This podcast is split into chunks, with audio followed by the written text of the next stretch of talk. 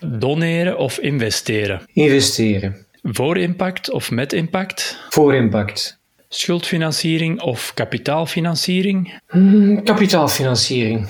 Investeringsfonds of stichting? Investeringsfonds. Financieel rendement of maatschappelijk rendement? Oei, oei, oei. ja, ik heb uh, denk ik nu een beetje de luxe om toch voor maatschappelijk rendement te kiezen.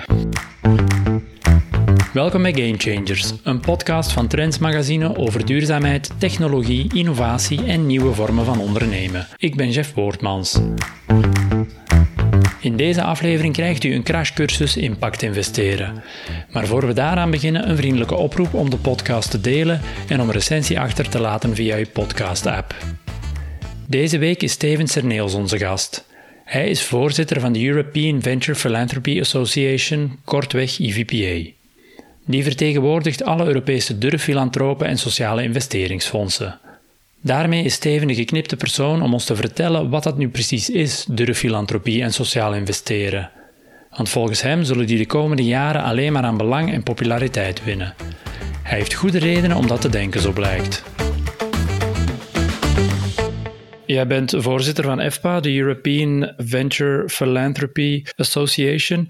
Die brengt de durffilantropen, dus venture philanthropists en sociale investeerders samen. Maar die twee activiteiten, venture philanthropy en social investing, wat moeten we ons daar precies bij voorstellen? De term filantropie natuurlijk en investeren, uh, is al, al veel langer gekend.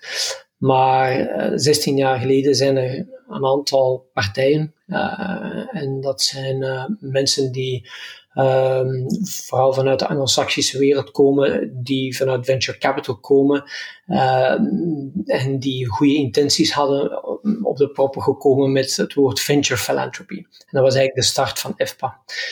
Um, ondertussen is er heel wat meer terminologie naar boven gekomen en, en ook sociaal investeren, sociaal-maatschappelijk investeren is naar voren gekomen. Maar venture uh, als woord duidt op het aspect van ondernemerschap. En social in, in veel van die bewoordingen duidt niet alleen op het sociale in het Nederlands, uh, het is meer het societal, uh, zoals men in het Frans zegt, het maatschappelijke verhaal. Dus het social omvat zowel het sociaal als het milieuaspect en, en zelfs ook het ethische aspect. Dus ik zou zeggen, venture philanthropy, social investing is een ondernemende vorm uh, om maatschappelijke meerwaarde te creëren door middel van financiering. En die financiering kan zowel giften zijn, wat wij dan engaged grantmaking noemen, maar kunnen ook leningen of aandelenkapitaal zijn. Ja, heb je, heb je misschien een, een, een, voorbeeld van de twee? Want het is, het is toch, we moeten een duidelijk onderscheid zien tussen die twee. Hè? Enerzijds het durffilantropie en anderzijds het sociaal investeren. Ja, kun je dat misschien illustreren met een, met een voorbeeld uit de praktijk? Uh, zeker, er zijn uh, ook in België uh, tal van voorbeelden in de laatste jaren ontwikkeld. En zoals je zegt, venture philanthropy gebruikt een instrument van, van grantmaking, maar uh, wij noemen dat liever engaged grantmaking. Een aantal voorbeelden, Mobile Schools is een hele bekende. Uh, Arnaud Raskin, die, die zorgt dat straatkinderen over heel de wereld toegang krijgen tot, uh, tot de school, tot het schoolbord en uh, tot, tot eigenlijk uh, het leren. Omdat hij niet wil dat die mensen ja, drop-outs zijn in de maatschappij. En, en op die manier zoekt hij mensen die hem steunen, omdat je niet kan verwachten van die schoolkinderen en vaak ook niet van de maatschappij waarin zij leven, dat zij dit soort van initiatieven steunen. En dus ga je over naar grants, maar ook in België heb je uh, initiatieven. Solentra is er een van, die werkt met uh, het opvangen en het geestelijk begeleiden van niet begeleide minderjarige kinderen uit Afghanistan, uit Syrië, uit, uit Afrika. Ook daar kan je niet vragen aan die kinderen, betaal mij voor die uh, begeleiding in de gezondheidszorg. Overheid heeft daar oren naar en, en stapt daar wel ook in. Uh, maar daar zie je ook dat een stuk grantgiving aanwezig is om dat soort van oplossingen uh, te ondersteunen. En, en misschien een laatste rond, rond uh, venture philanthropy. Een mooi voorbeeld vind ik ook. Een heel concreet voorbeeld en, en heel actueel is Duo for a Job. Waar dat achtergestelde werkzoekenden vaak met een immigratieachtergrond gekoppeld worden aan um, een 50-plusser die veel ervaring heeft, die al lang in, in het werkend bestaan staat. En als duo proberen zij dus te zorgen dat die werkzoekende versneld een uh, juiste baan vindt. Dus dat zijn een aantal voorbeelden rond filantropie. Dan heb je ook nog het investeringsaspect eraan, want uh, een, een, deel van jullie sector universum endt zich ook echt wel op het willen halen van rendement uit, uit een aantal van die sociale investeringen die zij doen. Hoe moeten we dat precies zien? Ja, dat zijn dus uh, maatschappelijke ondernemingen, social enterprises, waar dat marktwerking en dus een, een onderliggend quote-unquote sociaal commercieel businessmodel een haalbare kaart is. Uh, neem bijvoorbeeld uh, Campani. Campani ondersteunt, ondersteunt dus kleinschalige boeren in het zuiden. Vroeger heel vaak ondersteund via een giftenlogica, maar waar wij als Campani eigenlijk stellen dat wij willen investeren, dus aandelenkapitaal willen verschaffen wanneer zij um, een, een nieuwe magazijn bouwen, wanneer zij nieuwe machines bouwen om, om koffie te pellen of uh, groenten te wassen of iets dergelijks. Omdat wij geloven dat uh, ook die kleinschalige boeren die hun producten dan uh, op de markt brengen, met dergelijke activiteiten, dat soort van investeringen zouden moeten kunnen terugbetalen op termijn. Een ander voorbeeld eh, is, is uh, een heel actueel voorbeeld, is ook een uh, sociale onderneming, Faircastle, die probeert mensen met een behoorlijke schuldenlast te helpen. En er bestaan natuurlijk heel wat kantoren die, die in naam van, van grote spelers, van leveranciers, proberen schulden te innen. Maar Faircastle probeert dat op een sociaal-maatschappelijk verantwoorde manier te doen. Dat wil zeggen, heel mensgericht een stukje holistisch. Dus niet schuldeisen vanuit enkel zijn schuld, maar vanuit het hele schuldenpakket. En ook uh, duurzaam, zodanig dat die persoon of dat gezin niet opnieuw hervalt. Want dat is typisch uh, een van de dingen die, die, die we zien, is dat je kan één schuld oplossen, maar dan val je in een andere schuld en verval je terug in armoede. Ook daar hebben zij een, methodiek ontwikkeld die schulden op die uh, meer mensvriendelijke manier benadert. En hun resultaat van die holistische schuldinning die is beter en efficiënter dan de korte termijn uh, schuldgerichte uh, financiers die, die daarachter gaan. Het duurt langer, dus je hebt kapitaal nodig dat iets meer geduldig is. Maar ook daar wordt verwacht dat de inspanning die geleverd wordt om die mensen te laten betalen, finaal ook rendabel is.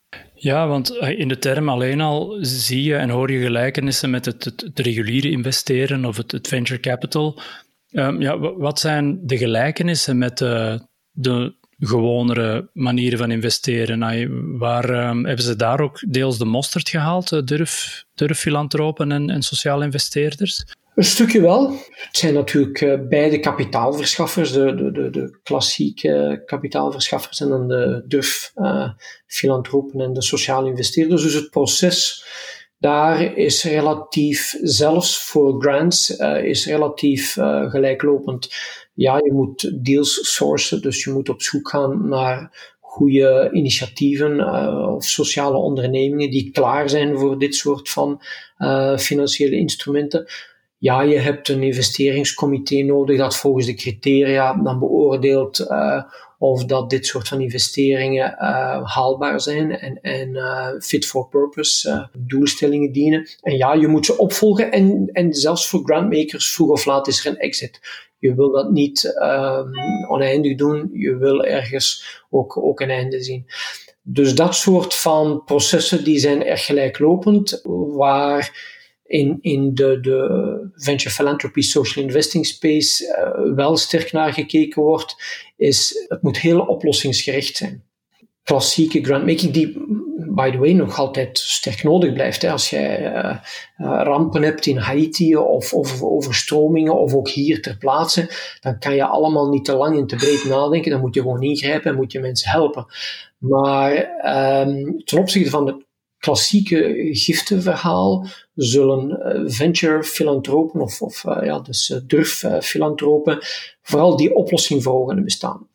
als je kijkt naar Solentra, dus die, die niet begeleide minderjarige kinderen helpt met, met geestelijke gezondheidszorg, dan is hun vraagstuk vooral niet zozeer van hoeveel kinderen kan ik helpen, maar wat zijn de wachtlijsten? En als ik die kinderen help, gaan ze dan finaal terug in de maatschappij hun plaats vinden. Dus de manier waarop dat je succes definieert, is vooral wat wij noemen niet zozeer outputgericht. Ik heb zoveel kinderen geholpen, maar is outcomegericht. Is het efficiënt geweest? Hebben zij zich kunnen integreren in de maatschappij? Zijn zij structureel geholpen? En zelfs impactgericht in die zin dat het hele systeem in België van de geestelijke gezondheidszorg zou volgens die nieuwe methodiek moeten gaan werken. En dus dat soort van oplossingsgericht denken um, en daar ook op willen afgerekend worden en ook zo succes definiëren, is zeker een onderscheidend element ten opzichte van de meer klassieke uh, filantropen. En zijn er zo nog andere belangrijke principes die die manier van investeren uh, ondersteunen, die daaraan ten grondslag liggen? Ja, dus naast het oplossingsgerichte uh, zullen venture philanthropists, uh, dus durf filantropen en maatschappelijke investeerders, ook altijd heel sterk kijken naast het geld dat ze toebedelen, de, de niet-financiële component. En soms zelfs voordat er een investering gebeurt, en dat bevindt zich op het niveau van het uitbouwen van de organisatie of uh, de manier waarop dat dan uh, die, die impact gemeten wordt. Dat is een hele specifieke methodiek. Hoe dat omgegaan wordt met, met, met governance en strategische operationele vraagstukken. Dus venture filantropen en, en sociale investeerders steken daar uh, disproportioneel veel tijd en energie in. Uh, bijvoorbeeld Faircasso, waar ik net over sprak, zij hebben ook een, een club van vrijwilligers die naast het, businessmodel ook werkzaam zijn om te zorgen dat die gezinnen die met die schuldherschikking of, of die schuld, uh, met dat schuldvraagstuk worstelen, om hen daar ook in een meer holistische manier te helpen. En dan zie je ook aanmiddellijk terugkomen op je voorgaande vraag, wat zijn de verschillen met de, de klassieke durfkapitaalverstrekkers, is dat de manier waarop dat de verschillende stappen ingevuld worden. Er is meer tijd en aandacht. Het gevolg is dat de uh, sociale investeerders vaak een hogere management fee vragen in het fondsmanagement dan uh, de klassieke investeerders. Zij gaan vaak naar 3 à 4 procent, waar klassieke investeerders, afhankelijk van, van de grootte van het fonds, anderhalf tot 2 procent vragen. Zij investeren met een horizon op een veel langere termijn. 90% van de sociale investeerders hebben een horizon van vier jaar of langer. Terwijl durfkapitalisten soms ook wel een langere horizon hebben, maar op veel kortere termijn ook naar dat rendement zoeken. En ze zijn kleinschaliger vaak, de, de maatschappelijke investeringen, zowel qua fund size. Dus het gemiddelde van een, een, in Europa van een fund size is ongeveer 25 miljoen. Uh, voor de maatschappelijke investeerders, terwijl de klassieke investeerders honderden miljoenen tot, tot miljarden uh, size heeft. En ook de ticket size, dus de, de, de ticket per investering, in Europa is dat een, een 100.000 tot een 5 miljoen. 80% van de maatschappelijke investeringen zit in die bucket, terwijl dat voor ja, de, de klassieke investeerders je gemakkelijk naar veel hogere tickets gaat. Het gevolg van dit alles is dat vaak het financieel rendement dat die maatschappelijke investeerders beloven en nastreven. 70% uh, ook hier in Europa belooft een rendement tussen de 0 en de 10%. Terwijl de uh, klassieke investeerders toch al snel 10% plus 15, soms zelfs 25% beloven. Wat ze daarvan waarmaken is een tweede. Maar de insteek geduldig investeren, verwachtingspatronen, financieel rendement proberen uh, te managen, zijn toch uh, duidelijke verschilpunten. Ja, en jij verwees uh, er net ook al naar, naar die term impact. het is, het is een, een, een hippe, veelgehoorde term tegenwoordig in de investeringswereld. Maar hoe, hoe moeten we dat in beschouwing nemen uh, in het verhaal van, van de filantropen en maatschappelijke investeerders? Want je spreekt ook soms van investeren voor impact of investeren met impact. Hoe, hoe moeten we dat precies zien? Ja, voor de doorsnee burger is het, woord impact een beetje ja, uh, verwarrend. In de Engelse literatuur, uh, impact investeren, impact investing, impact returns worden ja, zijn meer en meer aanvaard. En het woordje impact uh, in dit geval slaat heel sterk op wat ik daarnet zei. Zowel een, een sociale impact, dus een sociale meerwaarde, sociaal-maatschappelijke meerwaarde, als een milieumeerwaarde dat is ook een, een als ook uh, een, een mogelijk ethische meerwaarde. Dus het is impact omvat die, die drie uh, domeinen. En wat wij zien is dat er partijen zijn, zoals de venture philanthropists en social investors, die wij scharen onder de noemer van uh, investeerders voor impact, investing for impact, die duidelijk die maatschappelijke meerwaarde, die impact als leidraad nemen. En de manier waarop dat ze dat financieren als een hulpmiddel. En zij gaan zich dus afvragen, uh, als ik een maatschappelijke oplossing wil definiëren, heb ik dan uh, vooral geefgeld nodig? Heb ik een stukje leningen nodig? Of kan ik naar een businessmodel evolueren waar ik echt durf investeren met uh, aandelenkapitaal of een combinatie? Maar de financiering is ondergeschikt aan de maatschappelijke meerwaarde uh, die zij willen neerleggen. Investors with impact of investeerders met impact, dat is, uh, ook een hele belangrijke groep. En beide zijn nodig en beide zijn complementair. Dus het is niet van het is goed of fout. Nee, beide zijn absoluut noodzakelijk om, om het hele verhaal verder te brengen. Maar investeren met impact is meer wat we zien, uh, wat klassieke investeerders nu meer en meer omarmen. Waar dat pensioenfondsen beginnen nadenken, waar dat vermogensbeheerders beginnen nadenken en zeggen van, naast het pure financiële rendement wil ik eigenlijk ook een maatschappelijk rendement neerleggen. Maar zij zien dat financiële rendement, en ze noemen dat in het Engels de fiduciary duty, dus ik heb ook een verantwoordelijkheid ten opzichte van het kapitaal dat mij gegeven wordt om een financieel rendement na te streven primair. Wat het mooie van het verhaal is dat we meer en meer zien dat die twee, een financieel rendement en een maatschappelijk rendement, elkaar niet meer uitsluiten. Maar als het op bepaalde momenten heel lastig wordt, zullen investeerders met impact kiezen voor een financieel rendement en dat impactverhaal misschien eventjes langs de zijlijn zetten. Terwijl investeerders voor impact, investing for impact, primair dat impactverhaal willen vrijwaren. Ja, maar beide, zowel for impact als, als with impact, ze vergen wel dat je een, een strategie uh, bouwt en, en een strategie uittekent rond die impact. Maar ja, hoe, hoe doe je dat of hoe doen ze dat? Welke resultaatsdoelstellingen kunnen ze daar zoal rond stellen en, en hoe geven ze dat vorm? Dat is nog een beetje een zoektocht. Uh, in het uh, financiële verhaal hebben wij onze financiële cijfertjes. Het is goed om daar te realiseren dat het vertrouwen dat we hebben in die financiële cijfers, als je 200 jaar geleden, 150 jaar geleden aan iemand zou vertellen dat het succes van een bedrijf kan weerspiegeld worden in financiële cijfers, 200 jaar geleden geloven ze dat niet. 150 jaar geleden ook nog niet. En het is zelfs pas na de 1930, uh, eh, ja, de grote uh, ramp op de beurzen, dat door het inschakelen van accountants wij meer en meer die financiële cijfers zijn beginnen geloven. En vandaag uh, meten wij alles af en wij denken dat het altijd appelen en appelen zijn die we vergelijken. Dat is niet altijd zo, maar ook daar hebben we dus die hele weg afgelegd om vertrouwen te krijgen en te zien hoe moeten wij succes in financiële cijfers meten. Op het vlak van risico is daar ook de laatste 30, 40, 50 jaar een hele weg afgelegd. En ook rond impact zien we dus dat die weg stilaan wordt afgelegd.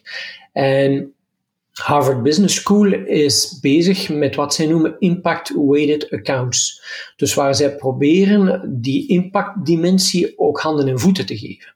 En ook criteria te ontwikkelen volgens de welke zij zullen aangeven dat je werkelijk maatschappelijke meerwaarde creëert, ja of nee. Dat gaat nog een tijdje duren. en, en er zijn verschillende uh, methodieken vandaag. de United Nations heeft een aantal methodieken. Europa met de Green Deal heeft ook beloofd dat ze een taxonomie zullen ontwikkelen. Maar heel concreet, Jeff, zijn daar bijvoorbeeld de SROI, Social Return on Investment, is zo'n methodiek waar je naast de return on investment probeert te zoeken naar de social return on investment. En wat doen die mensen? Die gaan proberen uh, de maatschappelijke kost die uh, bepaalde maatschappelijke problemen met zich meebrengen, gaan zij proberen te becijferen. Op de vermijdbare maatschappelijke kost. Door preventief uh, bijvoorbeeld mensen in armoede gezondheidszorg te geven, zeggen zij, als we preventief mensen gezondheidszorg geven, dan moeten zij later curatief veel minder betalen. En zij proberen die balans te maken en proberen te zeggen, kijk, door te investeren zullen wij een aantal kosten vermijden. Dus zij proberen dat maatschappelijk rendement ook in financiële termen uit te drukken. Zij gooien dat allemaal samen met de financiële investering en zij zoeken naar een factor groter dan twee. Waar zij zeggen, elke euro die ik investeer moet eigenlijk een financieel plus maatschappelijk rendement geven van twee en liever meer. Concreet binnen een aantal projecten die jij kent en begeleidt, hoe, geven zij dat vorm? Want ja, dat is dan op het, op het, uh, het metaniveau, het hogere niveau dat je net beschrijft. Misschien een beetje te vergelijken met de, de IFRS en de GAAP-standaarden, die, die nu wel algemeen gelden voor dat financiële. Maar als ik goed begrepen heb, is het nu vooral aan de sociale investeerders zelf om er een beetje zelf mee te spelen en, en dat vorm te geven. Ehm, heb, heb je daar interessante voorbeelden van? Van KPI's die ze zichzelf opleggen? Ja, uh, daar is um, in dat hele leertraject, want ik zeg het nogmaals, het, het, is een leertraject, um, zie je dat dat leertraject, en het is, het is uh, mooi dat je dat aanhaalt, dat je langs de ene kant dus de investeerders met impact, dus de, zeg maar uh, de, de pensioenfondsen en, en de vermogensbeheerder die dus met de grote sommen geld omgaan, ook daar zie je vandaag dat de KPI's nog niet gestandaardiseerd zijn. Men is daar naartoe aan het werken, maar als je de ESG-criteria neemt, Environmental, Social and Governance Criteria, dan heb je daar een aantal wereldwijd grote spelers die proberen standaarden naar voren te schuiven. Maar ook daar moet nog een weg afgelegd worden om dat te kunnen vastpakken. Nu, in die wereld is dat heel belangrijk, omdat partijen die daar investeren, die willen een absolute transparantie die zijn vooral transactioneel gericht, zitten achter een computer en investeren links en rechts en overseas en ja, binnen het uur switcht dat uh, van hier naar daar. Dus zij willen volle vertrouwen hebben. En daar is impactmeting en standaardisatie werkelijk heel cruciaal. In de wereld van investing for impact, dus de toch iets kleinschaligere wereld uh, met kleinere ticket sizes, zie je dat impact meten belangrijk is, maar impact management minstens zo belangrijk is. En dat dus het helpen, de ondernemer helpen begrijpen hoe zijn impactstrategie, zijn businessmodel, waar dat financiële rendement en zijn maatschappelijke rendement samenkomen, hoe doe je dat die twee verenigen? Wanneer geef je het ene voorrang? Wanneer kunnen ze samengaan? Hoe ga je daarmee om? Hoe ga je naar je, wat wij de beneficiaries noemen, de begunstigde centraal stellen in dat verhaal? Dat verhaal rond impact management is minstens zo belangrijk dan impactmeting. Om terug te komen op jouw vraag. Je ziet dat de impactmeting in die wereld dus iets meer maatwerk is.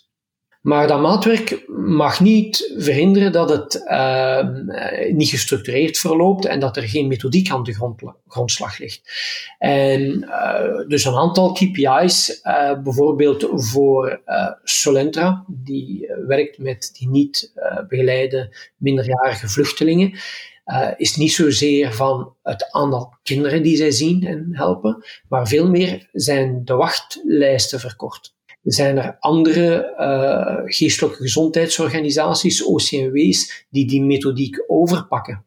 Zijn er een aantal jongeren die niet, nadat ze die uh, ja, maandenlange begeleiding ondergaan hebben, na twee, drie jaar voelen zij zich nog altijd opgenomen in de maatschappij. Duo for a Job ook. Is het niet van hoeveel duo's heb ik gecreëerd van 50-plussers en mensen met afstand tot de arbeidsmarkt.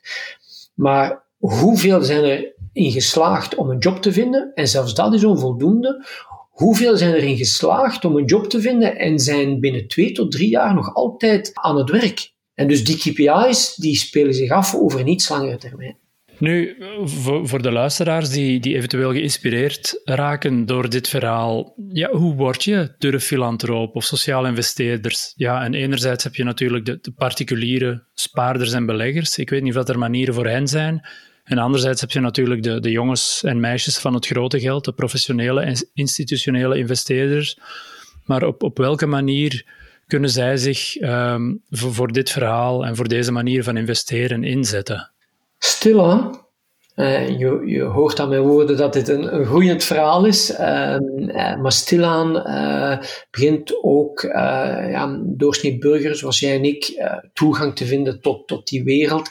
Als je eerst spreekt over het grootkapitaal, laat me een aantal voorbeelden geven van onze omringende landen. In, in Engeland heb je een hele beweging Make Your Money Matter.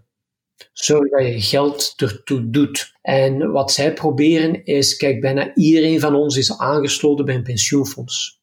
Laten we proberen ook die vragen te stellen wanneer wij deelnemer zijn aan een pensioenfonds. Een pensioenfonds per definitie denkt op lange termijn.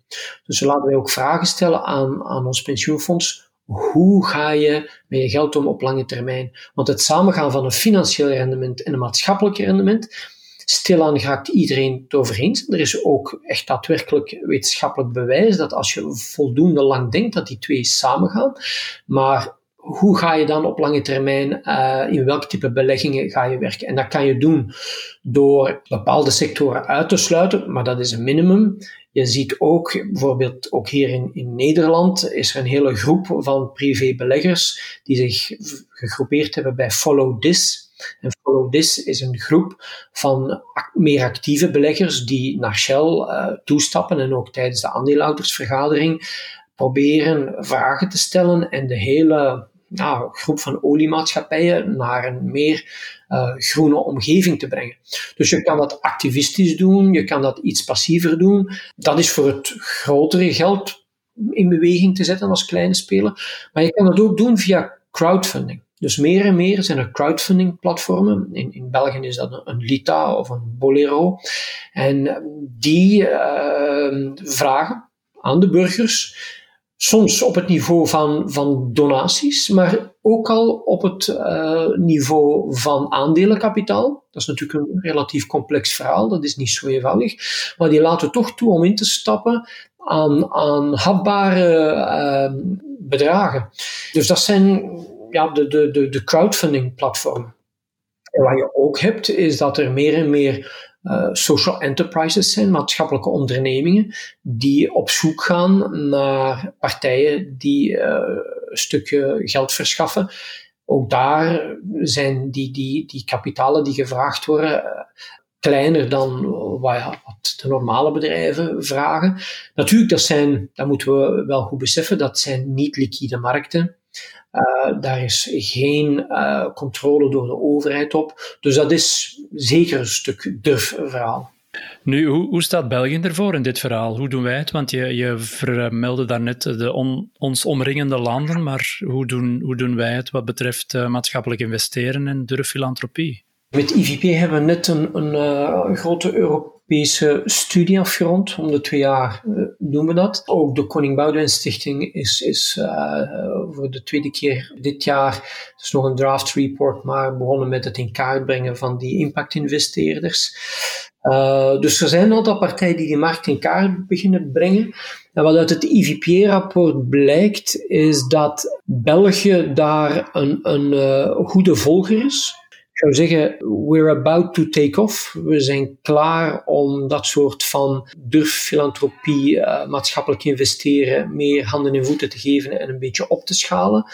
Het is nog wat onbekend bij, bij de, de, de middenmoot en de grotere massa. Het is natuurlijk ook een beetje altijd vraag en aanbod. Hè? Dus, dus je, je kan geld verschaffen, maar er moet ook een vraag zijn vanuit de, reguliere bedrijven om maatschappelijk kapitaal aan te trekken, of vanuit de sociale ondernemingen of vanuit de NGO's om dit soort van durf- en ondernemend kapitaal aan te trekken. Ik zeg het, dat heeft ook een bepaalde verantwoordelijkheid. Je wordt afgerekend op de resultaten die je neerlegt, niet, niet omwille van de activiteiten die je doet. Dus het is ook een beetje vraag en en aanbod. En dan zie je dat in Frankrijk op het niveau van de bedrijven, daar hebben ze nu recent Société à Mission gedefinieerd. Dat is voor de hele grote bedrijven, maar toch een enorme stap, waar dat Danone en anderen een statuut kunnen uh, oppakken die verder gaat dan wat wij een NV zouden noemen. En die dus duidelijk aangeven, kijk, met het kapitaal dat wij willen aantrekken, als kleine belegger of als grote belegger, zullen wij daar maatschappelijk verantwoord mee omgaan. Dus daar zie je dat op het vlak van de vraagkant langs de grote bedrijven enorme stappen gezet worden. Is dat aanbodkant, uh, in Engeland zie je dat pensioenfondsen, uh, overheid, ze hebben net hun eerste uh, green bond, maar inclusieve green bond, gelanceerd een paar weken geleden, de UK government. Daar zie je dat zij ook als overheid een stukje het voortouw nemen in financiële instrumenten die daar uh, verder gaan dan, dan doorsnee. Nederland staat relatief ver op de ontwikkeling van de markt van social enterprises. Op elk van die markten is België denk ik een, een goede tweede. En uh, zie je dat we goed kijken wat er rond ons gebeurt. Maar ja, het zou mooi zijn als wij een aantal van die stappen uh, zouden kunnen volgen. En natuurlijk altijd moeten inkleuren naar, naar de Belgische cultuur en, en de Belgische geplogenheden. Maar ja, ready to take off, zou ik zeggen.